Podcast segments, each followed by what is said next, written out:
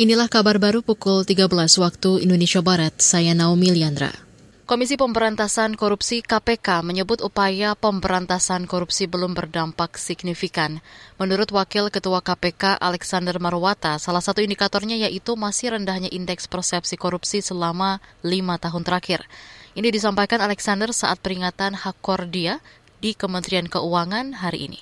Kenapa pemberantasan korupsi kita belum menghasilkan dampak yang cukup signifikan, signifikan. Terutama kalau dilihat dilihat dari berbagai indeks, indeks persepsi korupsi, ya KPK juga ada survei penilaian integritas, belum menunjukkan hasil yang mengembirakan. Ya, ya indeks persepsi Indonesia selama lima tahun terakhir berkutat di angka 37, 38, pernah di angka 40, turun lagi 38, Wakil Ketua KPK Alexander Marwata menambahkan lembaga anti rasuah akan fokus untuk membenahi sistem sehingga dapat memberantas kasus korupsi dengan efektif, efisien, dan berdampak cukup signifikan. Kitab Undang-Undang Hukum Pidana KUHP yang baru disahkan diklaim tak berdampak buruk pada pariwisata Indonesia. Klaim itu disampaikan Menteri Pariwisata dan Ekonomi Kreatif Menparekraf Sandiaga Uno.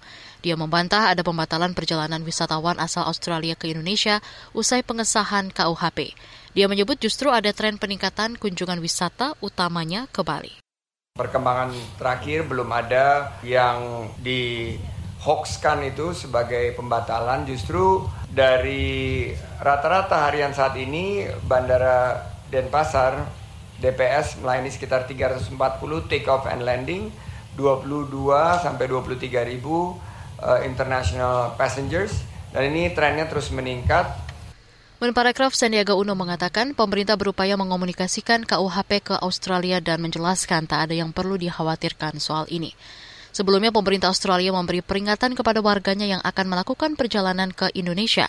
Ini merupakan imbas dari pengesahan KUHP yang salah satu pasalnya menghukum pidana seks di luar nikah untuk pendukung lokal dan pelancong.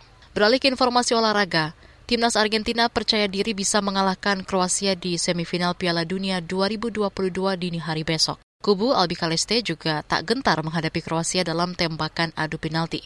Back Argentina Nicolas Tagliafico yakni yakin kipernya Emiliano Martinez mampu tampil apik. Dalam adu penalti Argentina versus Belanda, Martinez mementahkan dua upaya eksekutor di Orange, yakni Virgil van Dijk dan Steven Berghuis. Di sisi lain, penjaga gawang Kroasia bisa menjadi momok penggawa Argentina.